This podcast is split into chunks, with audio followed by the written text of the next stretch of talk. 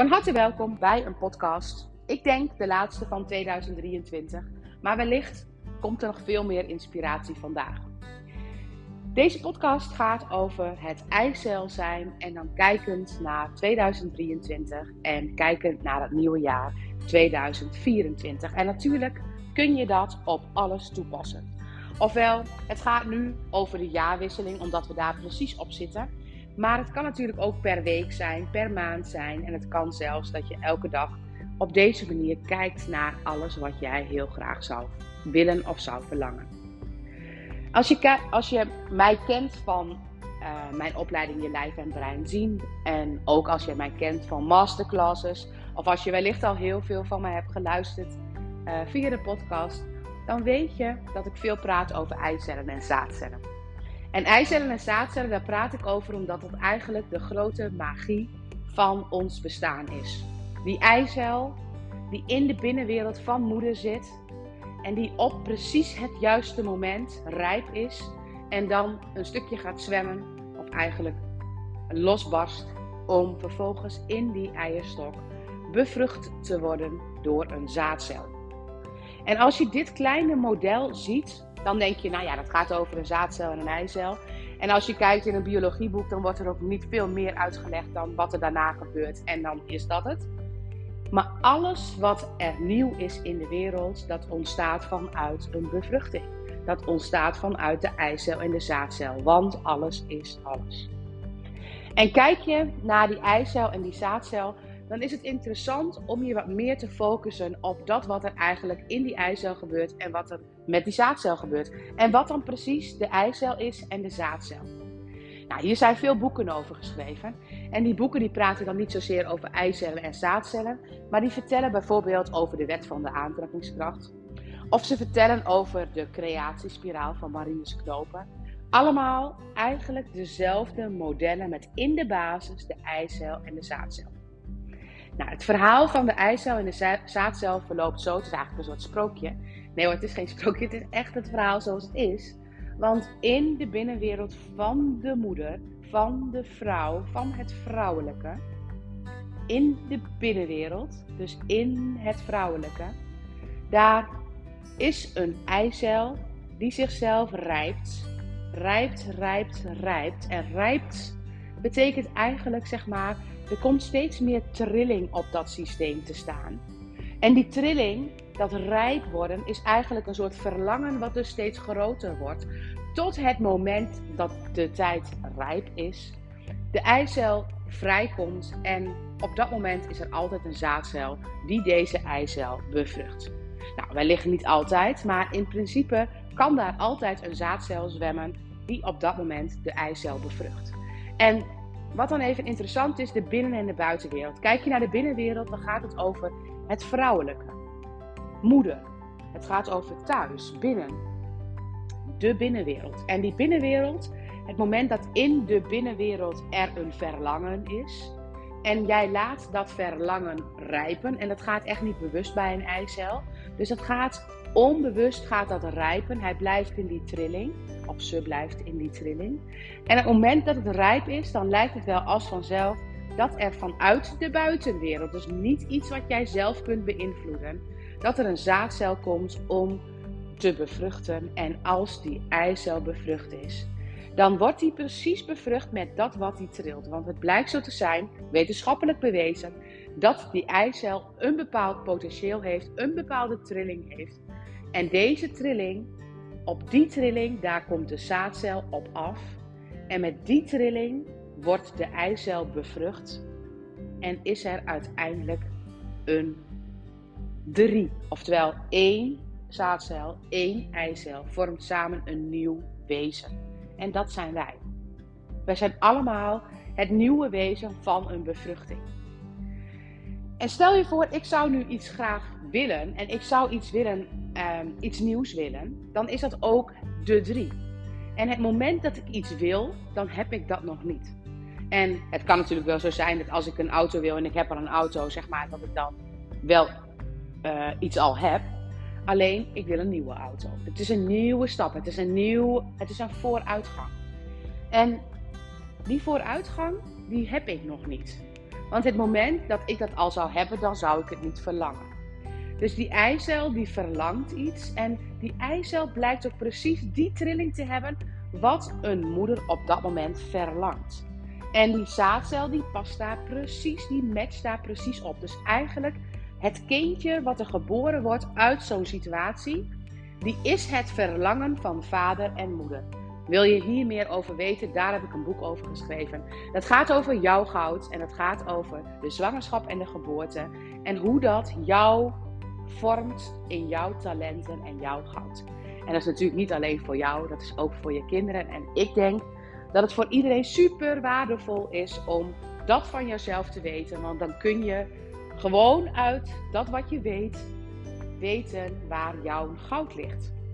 Maar dat is een nieuwe podcast, dat is een, nieuwe, nieuw verhaal. Want ik wil heel graag vertellen over die eicel en die zaadcel. En dat eigenlijk alles wat jij verlangt, eigenlijk alleen maar hoeft te trillen in jou. Om vervolgens het los te laten. Niet los te laten, je wilt het blijven trillen. Je mag het blijven trillen. Maar je hoeft er niet de hele dag mee bezig te zijn. Je gaat alleen maar die intentie neerzetten. En vanuit die intentie, en je laat het bij jezelf, dan hoef je nagenoeg geen acties te ondernemen. Dan word je bevrucht door de zaadcellen en dan komt er een drie. En wat we heel vaak doen in business en wat we heel vaak doen in heel veel situaties is zaadcelspelen. Oftewel, als ik denk dat ik in mijn business een stap wil maken, ja, dan moet ik wel de schouders eronder zetten en gaan. En die schouders eronder en gaan, dat zijn zaadcelspelen. Dan moet ik bijvoorbeeld steeds postjes, post maken of dan moet ik steeds podcast opnemen om maar te zorgen dat ik mensen werf voor dat wat ik te brengen heb. Wat ik wel steeds mag doen, en dat hoor je me nu ook steeds meer doen, is benoemen wie ik ben en wat ik heb. Want sommige mensen weten dat niet. En het moment dat ik dat niet vertel, dat ik Willemijn ben en dat ik een opleiding heb en dat ik boeken heb geschreven, dat ik masterclasses heb, ja, dan weten sommige mensen dat niet en dan is het niet slim, want dan ben ik niet helemaal Willemijn met alle trilling die ik op dat moment heb. Maar als jij dus een bedrijf hebt of als jij uh, dromen hebt, wees jezelf eens bewust dat eigenlijk het moment dat je denkt dat je daar acties voor moet ondernemen, dat je dan alweer in de actiestand staat. Dus stel je voor, ik zou heel graag veel willen sporten in 2024. Dan is het een superdoel. En het superdoel, zeg maar, die heeft een heel groot verhaal. En een heel groot verhaal, dat bedoel ik mee te zeggen, misschien wil ik wel graag mezelf fitter voelen, want ik heb mij het afgelopen jaar niet zo fit gevoeld. Of ik wil mijzelf slanker voelen, want ik voel me het afgelopen jaar niet slanker. Niet slank. Dus altijd zit er achter een bepaald doel die je hebt, een bepaalde gedachte of een bepaald gevoel. En als je naar het doel kijkt, dan gaan wij dus dan bijvoorbeeld naar de sportschool en dan gaan we onszelf verplichten om naar die sportschool te gaan. Supergoed. Alleen, wat als je het op een andere manier doet? Wat als je eerst gaat voelen wat het met je deed dat je je niet fit voelde? Of dat je nog niet zo slank was? Wat voor momenten waren dat die dan ingewikkeld voor jou waren? En wat vanuit dat gevoel, wat is dan jouw droomgevoel waar jij naartoe zou willen werken? En het moment dat je vanuit dat gevoel doet, is er een andere basis. Dan tril ik een eicel met een bepaald verlangen. En dan hoef ik eigenlijk alleen maar bij dat verlangen te blijven. En dan kan ik bijna, bijna word ik dan automatisch ingeschreven voor de sportschool. Bijna automatisch komt het op mijn pad. Er is een innerlijke drive om die nummer drie te worden. Om die nieuwe vorm van mijzelf aan te nemen. En wat dan het allermooiste is om te doen, is terugblikken op 2023 of terugblikken op de afgelopen week. Of, en niet terugblikken met een vingerwijzing, maar waar, wat is er allemaal geweest in 2023 wat je eigenlijk misschien helemaal niet van tevoren voor mogelijk had gehouden? Wat heb je allemaal bereikt waar je helemaal niet over na hebt gedacht? En wat als jij al die kindjes eens ontvangt? Want my my, als ik terugkijk in 2023 dan heb ik meer dan mijn dromen bereikt. Maar die droom van ehm, slanker zijn bijvoorbeeld, ja, die heb ik niet bereikt. Maar misschien heb ik daar dan ook niet helemaal de eicel in staan trillen. Wat als ik kijk naar mijn afgelopen jaar en ik kijk naar alle dingen die daar gebeurd zijn. Dus ik kijk naar januari. En in januari was mijn boek gewoon nog zwart-wit op in Canva met mijn eigen tekeningen en ik had geen idee hoe de verdere vorm zou gaan zijn. Maar toch is er in oktober al een boek uitgekomen. Een boekenset met drie boeken, waar, die ik niet voor mogelijk had gehouden. Maar ik had wel het verlangen van binnen om een boekenset te maken. Dus het is heel grappig hoe eigenlijk die boekenset een vorm heeft gekregen die nog veel mooier is dan ik had kunnen bedenken. En als ik dan kijk naar bijvoorbeeld ehm, begin van uh, januari, februari en maart, dan had ik daar nog wel eens wat zorgen over mijn zoon ten aanzien van school. En als ik dan nu kijk waar we dan nu staan, dan denk ik, hoe dan? Dat het zo'n ongelofelijke voor, vooruitgang is geweest. Dat er zo'n groot potentieel is ontstaan. Puur omdat ik een verlangen had dat daar een bepaalde rust in kwam. En dat ik vooral gevoeld heb hoeveel onrust dat in mij had. Want die onrust, die trilde ik. En dat kreeg ik dus. Maar het moment dat ik daar rust in kon trillen, kreeg ik dat stukje.